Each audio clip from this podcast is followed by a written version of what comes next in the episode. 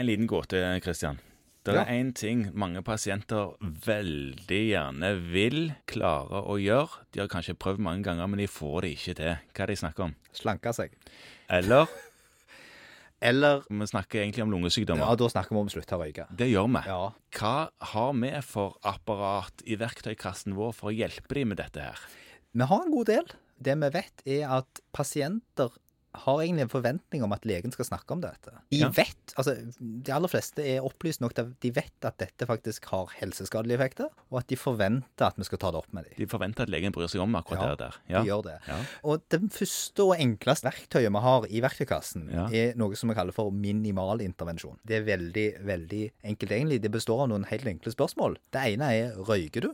Mhm, de fleste sier ja hvis de skal slutte. hvis de tar dette opp selv. Men det er òg et spørsmål som det er rimelig å stille i forbindelse med Sånn, hjerte-karsykdom, Ja, ja. diabetes og lungesykdom, Jeg forstår. Ja. for å kartlegge. Og Det neste spørsmålet er har du tenkt på å slutte? Som Kartlegge litt grann motivasjon. åpent Liksom. spørsmål for å kartlegge motivasjon. Og ikke stille det spørsmålet med valør, f.eks.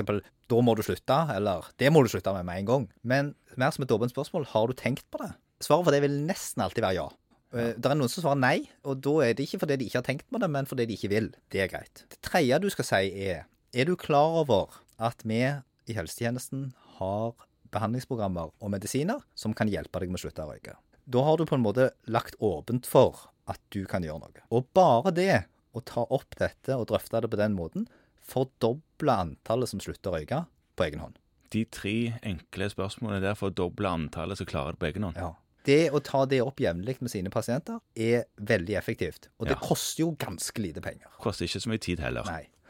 Hvis de da svarer ja, Ja. jeg har tenkt å slutte å røyke, har jeg tenkt masse på, og det har jeg lyst til, får det ikke til, så er det veldig mange ting du kan gjøre. Og Det første er jo da å bruke litt tid på å snakke med dem om hva det er som er motivasjonen deres, og eventuelt om de har prøvd før. Det har, nesten alle har jo prøvd før. Det er sant, det. Veldig mange har klart å slutte òg. Ja, Og de har klart det flere ganger. til og Ja, med. Det er jo ikke det vanskelige, er jo ikke å slutte, det er jo å la være å begynne igjen. Sånn at det å bruke litt tid på det, det kan jo være litt vanskelig å få plass til i den konsultasjonen du sitter i. Så det kan være veldig lurt å sette det opp i en ny time. Og det er òg et veldig sterkt signal til pasienten om at du tar dette på alvor. Ja, og, og det er òg signaler fra myndighetene på at dette er viktig. For det nå er jeg inne på at det tar litt tid, men da Ja. er det egne takster, ikke sant? egen takst for det. Ja, og det, Da begynner det å betale seg å Ja. gjøre dette òg. Det, det gjør det òg. Veldig mange pasienter blir positivt overraska hvis du sier du, det var jo veldig spennende og interessant. Det må vi ta skikkelig.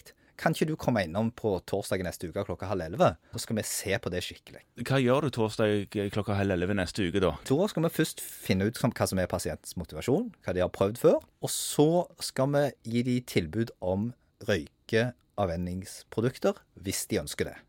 Og da har vi i all hovedsak to nivåer av det. Det ene er det vi kaller for nikotinerstatning, som Nettopp. er nikotinplaster, Plaster, tyggis, tygg i, ja. den type ting. Ja, Og så har vi medisiner, dedikerte røykesluttmedisiner.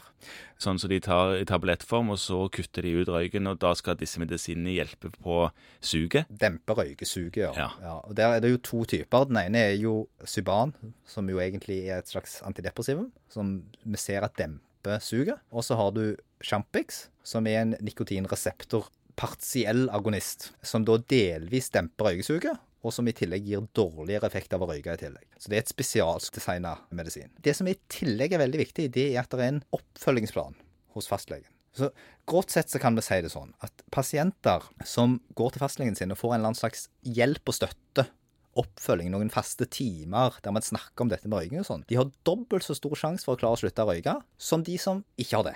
De som er helt på egen hånd. Og hvis de i tillegg bruker en medisin, Ja, sånn som de vi snakket om nettopp. så dobler du sannsynligheten for å klare å slutte å røyke én gang til. Så da har du fire ganger så høy sannsynlighet for å klare å slutte å røyke. Ja, da begynner det å bli ganske bra. Og da snakker vi om det å være 100% røykfri etter ett år. Til definisjonen Ja, på det er det som alt sånt er målt på. Ja.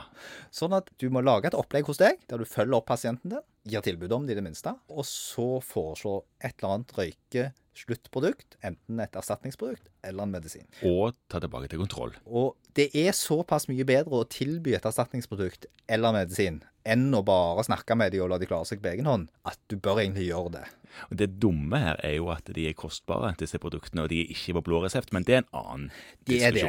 Og det er en annen diskusjon. og det som jeg ofte pleier å si, er at ja, de er dyre, men de er ganske mye billigere enn å røyke. Sånn at selv om i den perioden her som vi holder på med røykeslutt. Og selv om det ikke skulle virke, hvis du har røykt mindre i den perioden, så vil du antageligvis ha betalt ned medisin og vel så det. Men jeg syns nå fortsatt, sånn helsepolitisk, at det burde være refundert. Eller på i alle fall subsidiert på et eller annet vis. Det er opplagt at det bør absolutt diskuteres mye grundigere. Det er ikke rom for det nå.